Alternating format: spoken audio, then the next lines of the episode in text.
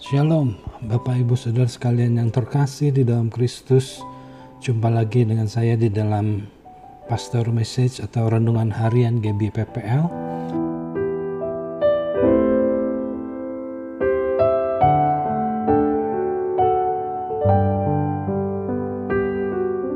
Dan hari ini saya, mau sharing kepada Bapak Ibu Saudara dengan judul renungan tetap berbuah di masa susah. Nah, kenapa ini saya angkat di dalam renungan hari ini? Karena kesulitan hidup, kesusahan hidup, masalah hidup di dalam kehidupan orang percaya bahkan sering kali membawa orang percaya itu menjauh dari Tuhan, mundur dari Tuhan dan sebagainya.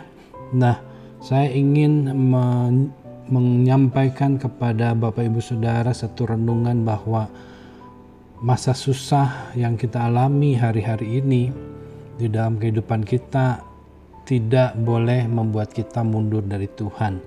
Bahkan justru di dalam masa susah pun kalau kita belajar dari kehidupan Kristus kita harus tetap bisa berbuah bagi sesama kita. Pandemi memang sudah berjalan setahun lebih dan kita masih ada di dalam kesulitan-kesulitan hari ini. Tapi mari kita belajar dari firman Tuhan bahwa apa pun yang kita alami kita tetap bisa berbuah dan memuliakan nama Tuhan. Nah, saudaraku di dalam Injil Yohanes, Yohanes 15 ayat 5 mengatakan sebuah syarat bahwa orang-orang percaya itu bisa tetap berbuah. Firman Tuhan itu mengatakan, Akulah pokok anggur dan kamulah ranting-rantingnya Barang siapa tinggal di dalam aku, eh, yaitu di dalam Kristus, dan aku di dalam dia, ia berbuah banyak, sebab di luar aku, kamu tidak dapat berbuat apa-apa. Nah firman Tuhan ini mengatakan bahwa uh, satu fakta, satu syarat yang mutlak bahwa kalau kita mau tetap berbuah, kita harus tinggal di dalam Kristus dan Kristus di dalam kita. Firman Tuhan ini tidak bergantung kepada situasi tertentu. Mau situasi sulit, mau situasi gampang, situasi menyenangkan, situasi menyedihkan, firman Tuhan ini tetap berlaku, yaitu bahwa ketika kita tinggal di dalam Kristus dan Kristus di dalam kita, kita tetap bisa berbuah banyak. Karena apa? Karena di luar Tuhan, dikatakan oleh firman tadi bahwa kita tidak bisa berbuat apa-apa, kita tidak bisa berbuah, kita tidak bisa menghasilkan sesuatu yang berguna bagi hidup kita maupun bagi sesama kita yang pada akhirnya mempermuliakan nama Tuhan. Nah, hidup yang berbuah itu hidup di dalam Kristus. Kita harus tinggal di dalam Kristus, di dalam Tuhan supaya kita berbuah. Nah, seperti apa dan seperti bagaimana kita hidup di dalam Kristus. Mari, yang pertama saya bagikan pada saudara adalah hidup di dalam Kristus. Artinya kita hidup sama seperti bagaimana Kristus sudah hidup. 1 Yohanes 2 ayat 6 mengatakan barang siapa mengatakan bahwa ia di dalam dia, dia dalam huruf besar, yaitu di dalam Tuhan, ia wajib hidup sama seperti Kristus telah hidup. Nah, jadi firman Tuhan 1 Yohanes 2 ayat 6 ini uh, menyatakan dengan jelas bahwa kalau kita mengatakan hidup kita di dalam Kristus, kita harus hidup sama seperti bagaimana Kristus telah hidup. Salah satu ciri yang menonjol di dalam kehidupan Kristus waktu dia hidup adalah bagaimana dia hidup, dia mudah sekali tergerak hatinya oleh belas kasihan.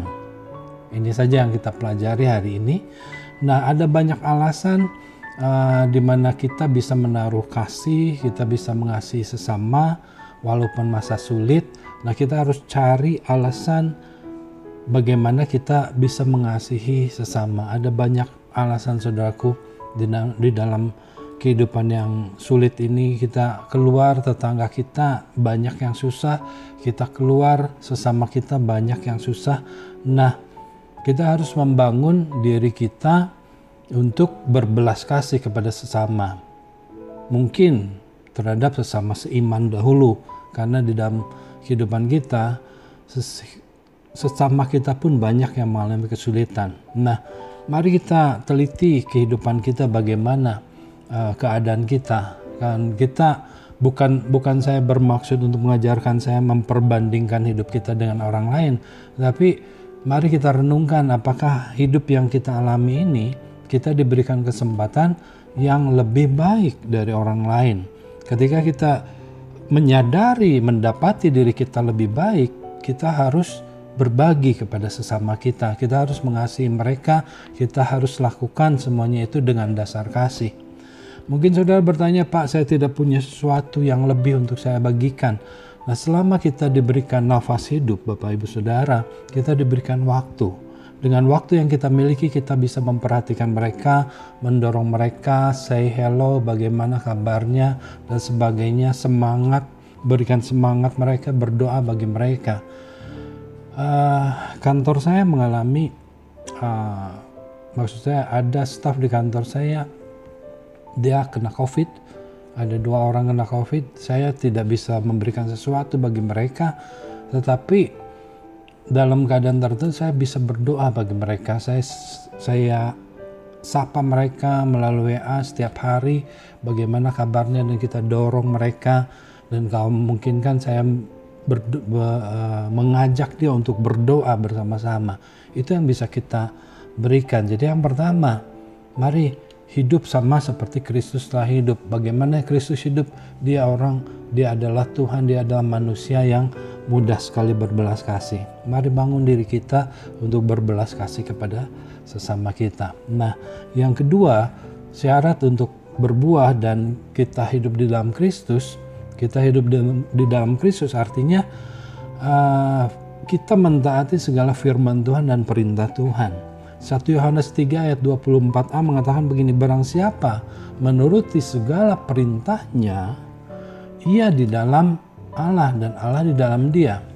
Kristus di dalam kehidupannya selalu mengutamakan kehendak Bapa, selalu mengutamakan keinginan Bapa dan dia taat di dalam uh, menjalankan kehendak Bapa. Bahkan dia taat sampai mati. Mati pun di kayu salib. Sebelum mati pun dia menderita sengsara yang demikian berat.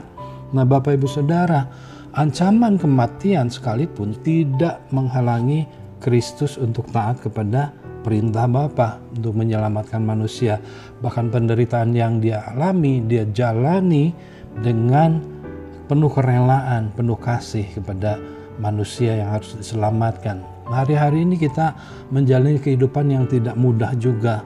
Pandemi COVID-19 ini membawa kita ke dalam situasi yang sangat sulit, usaha sulit, pekerjaan sulit, banyak di PHK, ke mana-mana kita harus hati-hati, harus waspada, pakai masker, jaga prokes atau protokol kesehatan. Nah, itu membawa kita ke dalam, ke dalam banyak kesulitan dan penderitaan Bapak Ibu Saudara. Satu hal yang kita teladani dari Tuhan Yesus adalah bahwa kesusahan, penderitaan, masalah, sakit penyakit, apa pun yang kita alami, janganlah hendaknya membuat kita tidak taat kepada Tuhan atau kepada firman Tuhan. Dan begitu kita harus percaya dan berharap bahwa pasti akan ada waktunya Tuhan bagi kita di mana kita akan dipulihkan, di mana kita akan diangkat kembali, kita akan diubahkan dan hidup kita menjadi lebih baik dan lebih baik lagi. Jadi mari yang penting dalam dalam kehidupan kita kita harus menjaga yang pertama kita harus hidup seperti Kristus hidup dan kedua taatilah seluruh firman Tuhan apa pun keadaannya, taatlah kepada kehendak Bapa sambil tetap kita menaruh pengharapan kita kepada Tuhan. Itu yang bisa saya bagikan. Mari kita berdoa. Bapa di dalam nama Tuhan Yesus, terima kasih untuk firman-Mu hari ini.